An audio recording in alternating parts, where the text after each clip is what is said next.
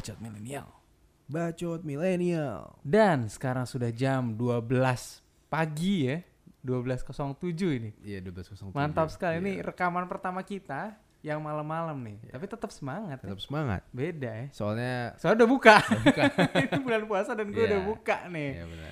Dan kembali lagi bersama Bernhard Faras di sini yang sudah berbuka puasa. Dan Anton Renaldo yang ikutan buka puasa menjelang Emang lu- sahur enggak, sih. Lu puasa emang? Hah?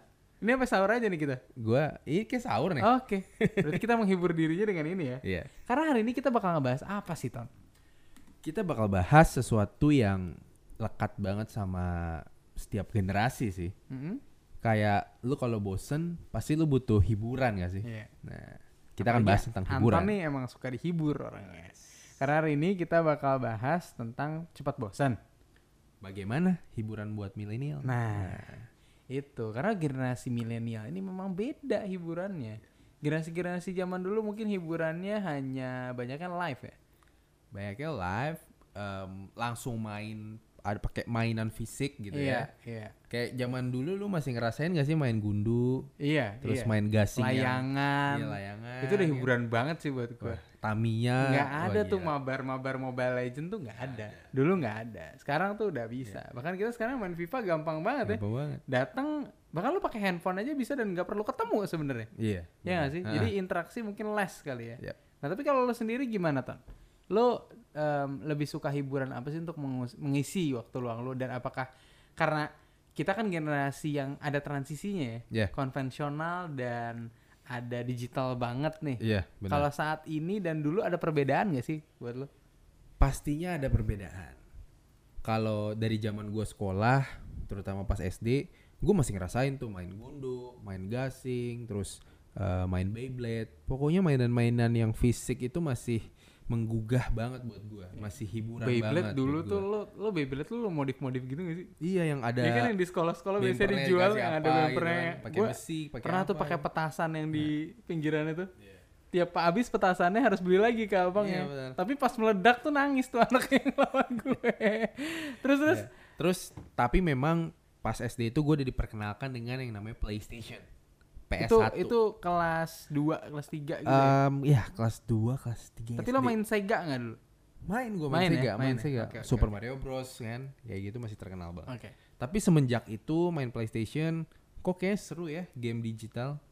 Semenjak itu apalagi ada game Harvest Moon. Hmm. Nah dulu tuh terkenal banget. Iya, gue jadi candu tuh main game. berjam-jam lo bisa nernak tuh ayam dan Iya. tanah-tanah itu. Pakai game Shark kan. Biar Langsung hati cewek-cewek pada penuh semua. Iya, Nah, iya. ya itu dia bahkan sampai nyokap gua Itu mungkin membatasi awal mula main. pacaran ya. Kita mengetahui pacaran mungkin dari situ ya. Bisa jadi. Popuri ya macam. Lu harus pakai apa namanya bird feeder itu. iya. Mantap, mantap, mantap. Bahkan nyokap gue sampai membatasi waktu main. Jadi Senin sampai Jumat tuh kan sekolah. Jadi Jumat pulang sekolah sampai hari Minggu baru gua- bisa gue main. Ah. Kayak gitu. Oke, oke. Berarti Saking, nyokapnya strict juga nah. ya. Nah itu pas masih kecil ya. Nah. Kalau sekarang gua lebih suka istilah anak zaman sekarang itu Netflix and chill. Wih. Nah, Waduh.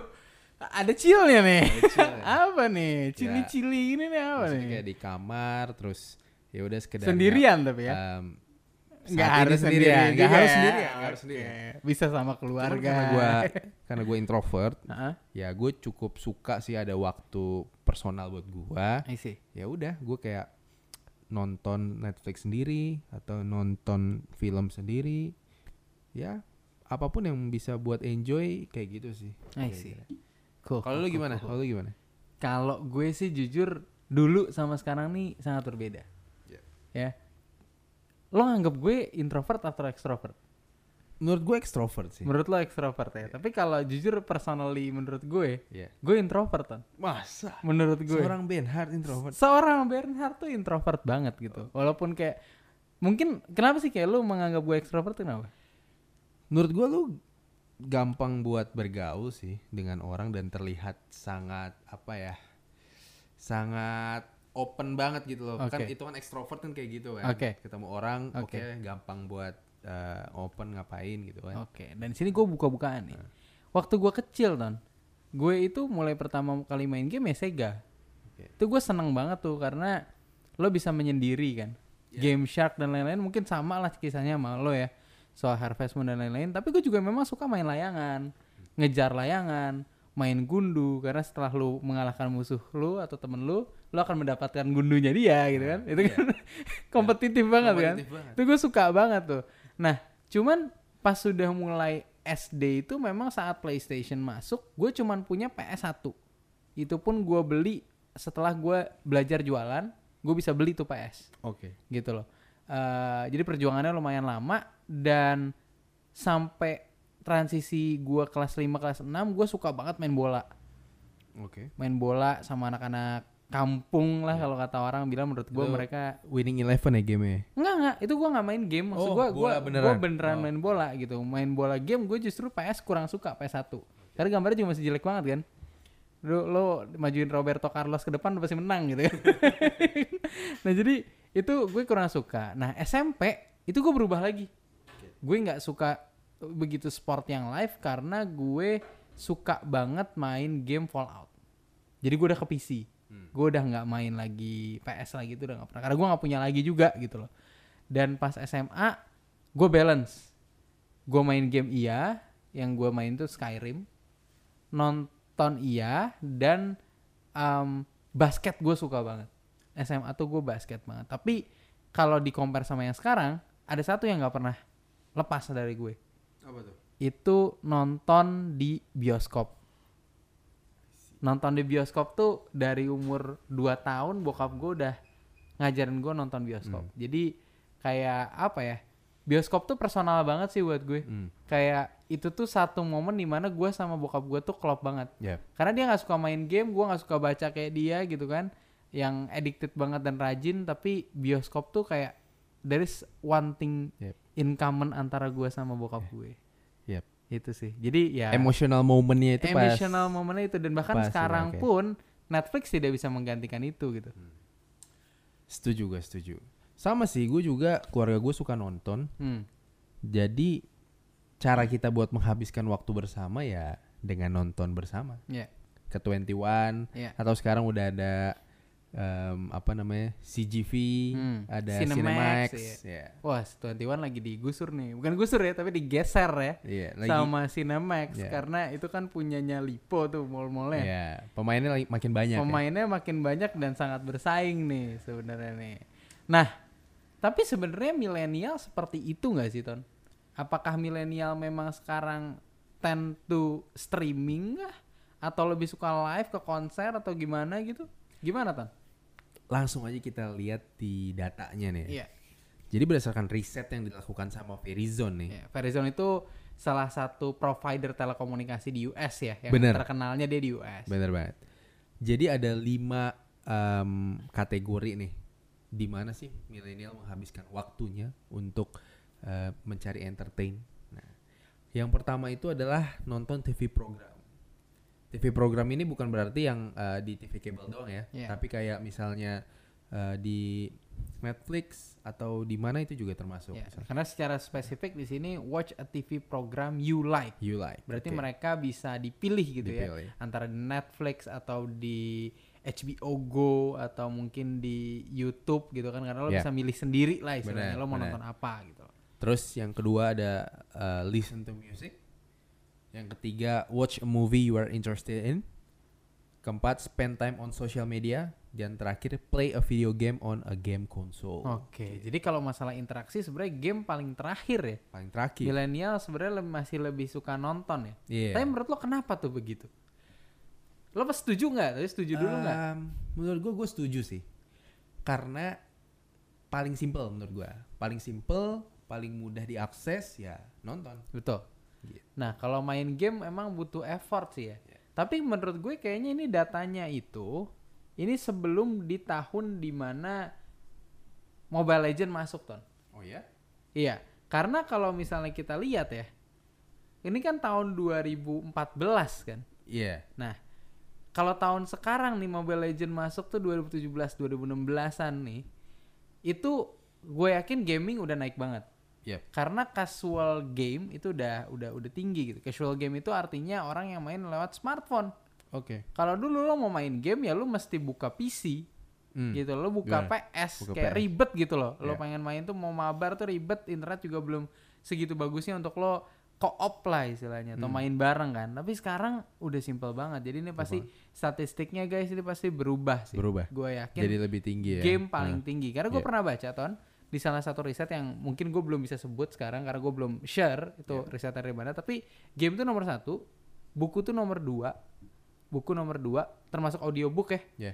yang ketiga itu film jadi industri film itu justru yang ketiga Oke. kalau dibandingin sekarang jadi empat tahun berlalu sebenarnya udah banyak banget yang berubah gitu loh Setuju gua, setuju, setuju. setuju. Nah, kalau sekarang milenial suka nonton film gitu, kan itu kan tadi yang ini kan digital, digital, digital terus nih. Iya. Kira-kira kalau yang live-nya konser, uh, sinema gitu kan, lo lo ke bioskop atau lo main bola bareng teman, menurut lo bakal hilang nggak sih dengan adanya digital, digital ini? Nah, ini balik lagi. Justru karena adanya digital-digital ini, konser tersupport bahkan gak, ada, gak bakal hilang sih menurut gua. Kenapa? Pertama, em, bagaimanapun orang tetap lebih suka interaksi langsung. Dan dari konser itu, lo kan bisa berinteraksi langsung kan. Lo bisa ngelihat langsung performance dari orang yang eh, entah penyanyinya atau entah grup bandnya sendiri misalnya. Jadi experience live ini tidak bisa digantikan ya? Apalagi sekarang kan milenial suka banget nih kayak eh, nge-storyin misalnya atau masukin ke WhatsApp stories, line stories bahkan udah ada sekarang. ya. Nah, jadi pada saat konser itu dengan ikut konser lu bisa nge-storyin nih experience lu. Nah, experience itu yang rata-rata pengen ditunjukin sama milenial. Ya. Gitu. Jadi sebenarnya bukan pamer ya, tapi show off sama aja. Eh, bisa jadi bukan niatnya untuk pamer, tapi memang untuk jadi personal eh, personal record buat mereka aja. Oke, oke. Jadi kalau misalnya pada saat suatu saat mereka bosen, ya mereka bisa Bisa lihat itu lagi. Iya. Iya, iya. Jadi sebenarnya memang ini juga pernah ada pertanyaan nih, ada anak yang nanya soal bisnis, Ton. Kira-kira kalau misalnya uh, digital sekarang semua udah bisa di streaming bakal mati nggak sih? Menurut gue juga sama, nggak bakal mati gitu karena justru konser-konser ini dia bisa nunjukin ke orang-orang kalau dia datang ke konser itu. Dan untuk effort ke konser itu kan nggak murah ya.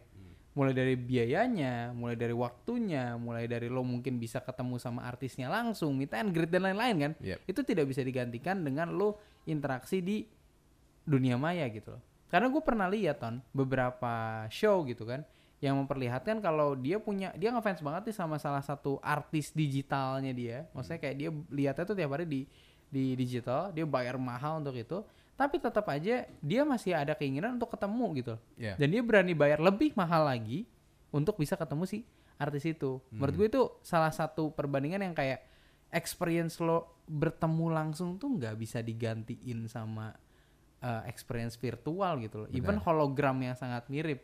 Ya. Tapi gue mungkin nggak tahu ya kalau misalnya si hologramnya ini sudah bisa membuat lo merasakan gitu. Hmm, Itu mungkin pertanyaan yang lain ya. Nah, itu ranahnya virtual reality atau mixed reality tuh kayaknya tuh. Itu lebih ke mixed reality kali ya. Mixed Kalau reality. virtual, virtual reality kan kita hanya melihat melalui mata aja, Yap. tapi itu nggak connected dengan dunia nyata. Yap. Augmented reality uh, connected dengan dunia nyata. Yap. Dan mungkin kalau mixed reality itu more than Gabungan, augmented gitu loh. Di dunia nyata lu menghadirkan eh, Lo merasakan, Merasakan, gitu kan, iya, tapi mata lo juga ngelihat yang uh, virtual gitu loh.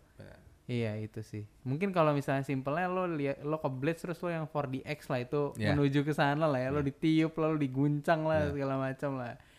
Ya mungkin itu sih menurut gue.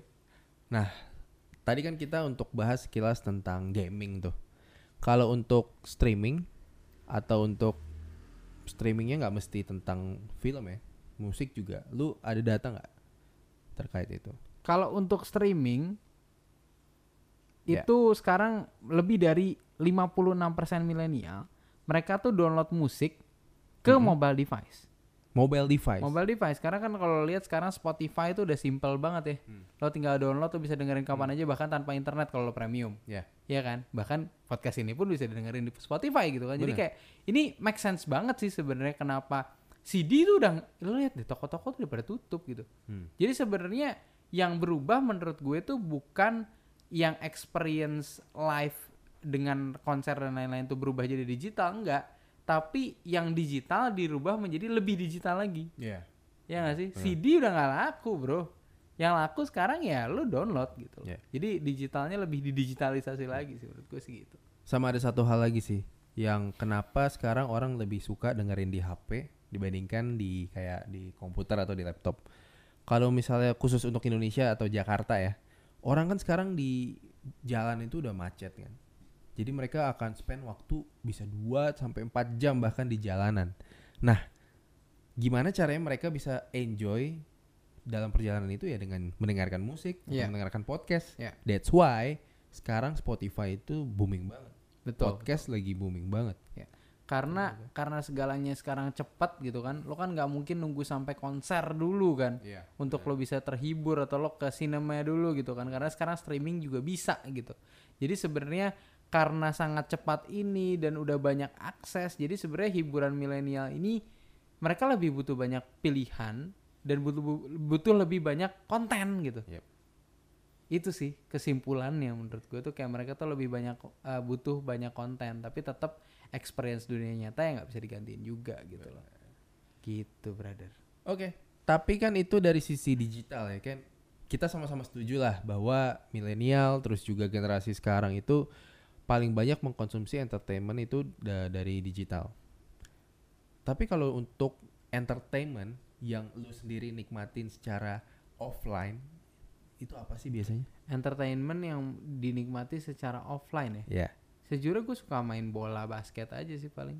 Sampai sekarang masih. Sampai sekarang Sampai masih. sekarang. Oh, Sampai sekarang ya mungkin sekarang udah bertambah ya panahan dan lain-lain gitu. Oh. Cuman mungkin yang yang jadi salah satu favorit milenial juga nge-gym sama lari kali ya. Karena sekarang udah CFD kan. Hmm. Iya. Zaman orang-orang baby boomer kan CFD belum ada tuh. Karena karnya juga baru muncul. Hmm. Udah di free-in aja sekarang kan. Everyday. Car Free Day. Siap. Itu sih kalau menurut gue. Kalau menurut lo gimana? Ada? selain jogging itu juga ada ada lagi nih sih kayak misalnya em, ya sekedar traveling traveling tuh Hmm. bisa disebut hiburan gak sih Hiburan sih itu untuk ya, i- intinya kan travel uh, hiburan itu saat lo bisa merasa refresh gak sih? iya Saat lo penat gitu kan. Karena kan nih Iya. topiknya bosan kan. Ah, bosan nih liburan gitu kan, Nah. hiking atau gimana itu Bener. bisa sih. jadi sebenarnya untuk sisi offline ya millennials itu cenderung lebih ke traveling Iya. kalau gue lihat ya Iya, iya. Kayak Setuju, setuju, setuju. Nah, next nih Ton. Karena ini kita sudah membahas gitu kan. Ya. Karena banyak hiburan baru gitu kan. Muncullah pekerjaan-pekerjaan baru. nah benar banget Iya kan? Iya. Ada game sekarang, ada konten yang dibutuhkan tuh banyak, Banyak gitu kan. banget. Makanya banyak banget ada youtuber ada Bener. podcaster kayak kita kan Nah, gitu. Iya, jadi di episode selanjutnya kita bakal bahas apa sih Ton? berangkat dari banyaknya entertainment buat milenial ini, pasti ada orang-orang, ada sosok-sosok yang membuat konten itu di belakangnya. Nah, kita membahas tentang lazimkah berkarir sebagai programmer, content creator, Pro bahkan gamer, pro gamer. programmer, eh Pro, gamer. sorry iya. sorry, Itu sorry. itu beda beda, satu dikit. huruf, Udah beda, banget tuh kerjaannya. iya. Dan ada satu lagi, stand up comedian. Nah, itu bakal kita bahas nanti di episode selanjutnya ya guys. Ya. Apakah Ben Hart akan menjadikan rekomendasi pekerjaan itu untuk anaknya? Wah, apakah Anton akan menjadi stand up comedian? Kita lihat saja. Oke, thank you guys for listening. Bye. Bye.